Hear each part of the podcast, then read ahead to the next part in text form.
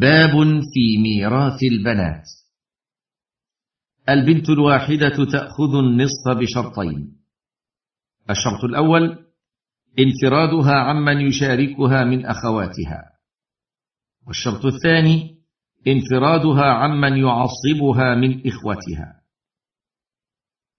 وذلك لقوله تعالى يوصيكم الله في أولادكم للذكر مثل حظ الأنثيين. فإن كن نساء فوق اثنتين فلهن ثلثا ما ترك وإن كانت واحدة فلها النصف. فقوله وإن كانت واحدة يؤخذ منه اشتراط انفرادها عمن يشاركها من أخواتها. وقوله تعالى للذكر مثل حظ الأنثيين يؤخذ منه اشتراط عدم المعصب. وبنت الابن تأخذ النصف بثلاثة شروط.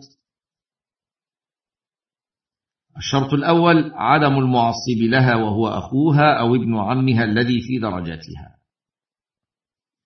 والشرط الثاني عدم المشارك لها وهو أختها أو بنت عمها التي في درجتها والشرط الثالث عدم الفرع الوارث الذي هو أعلى منها. والبنات اثنتان فأكثر تأخذان الثلثين وذلك بشرطين. الشرط الأول أن يكن اثنتين فأكثر. والشرط الثاني عدم المعصب وهو ابن الميت لصلبه. الصفحة الثالثة والأربعون والثلاثمائة. وذلك لقوله تعالى يوصيكم الله في أولادكم للذكر مثل حظ الأنثيين. فإن كن نساء فوق اثنتين فلهن ثلثا ما ترك.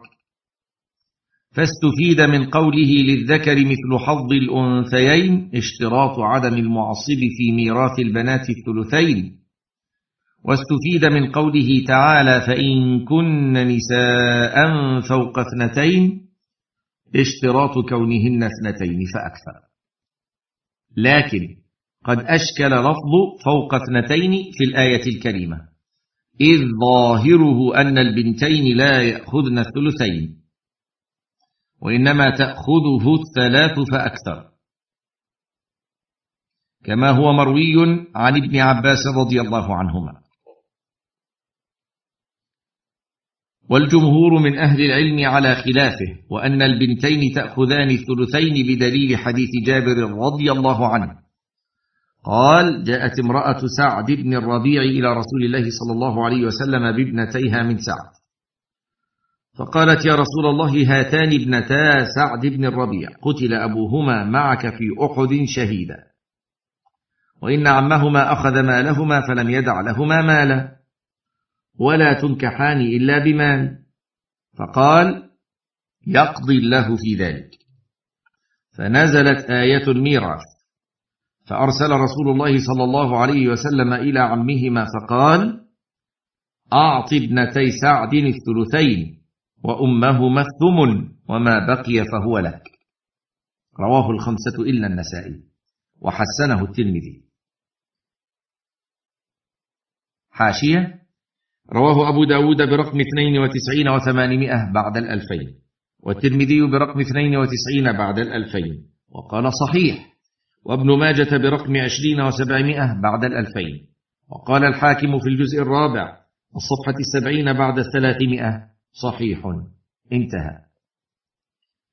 وهو يدل على أن للبنتين الثلثين وهو نص في محل النزاع وتفسير من النبي صلى الله عليه وسلم لقوله تعالى فإن كن نساء فوق اثنتين فلهن ثلثا ما ترك. وبيان لمعناها لا سيما وأن سبب نزولها قصة ابنتي سعد بن الربيع وسؤال أمهما عن شأنهما وحين نزلت أرسل النبي صلى الله عليه وسلم إلى عمهما. ويجاب عن لفظة فوق اثنتين التي استدل بها من رأى عدم توريث البنتين الثلثين حتى يكن ثلاثا فأكثر بأجوبة. منها أن هذا من باب مطابقة الكلام بعضه لبعض لأنه صلى الله عليه وسلم قال يوصيكم الله في أولادكم للذكر مثل حظ الأنثيين فإن كن نساء فوق اثنتين فلهن ثلثا ما ترك. فالضمير في كن مجموع يطابق الأولاد إن كان الأولاد نساء. فاجتمع في الآية الكريمة ثلاثة أمور. لفظ الأولاد وهو جمع. وضمير كن وهو ضمير جمع. ونساء وهو اسم جمع. فناسب التعبير بفوق اثنتين.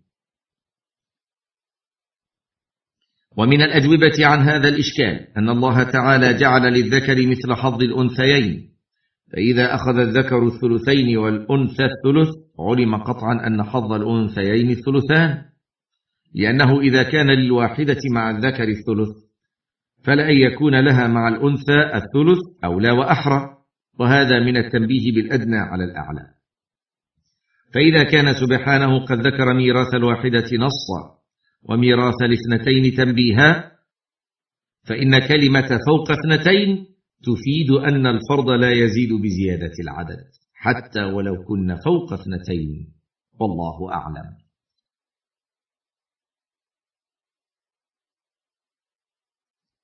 الصفحة الرابعة والأربعون والثلاثمائة. وبنت لابن مثل بنات الصلب في استحقاقهن الثلثين.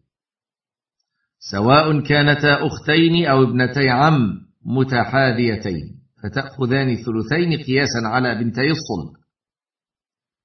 لأن بنت الابن كالبنت لكن لا بد لهما من توفر ثلاثة شروط. الشرط الأول أن يكن اثنتين فأكثر. الشرط الثاني عدم المعصب وهو ابن الابن.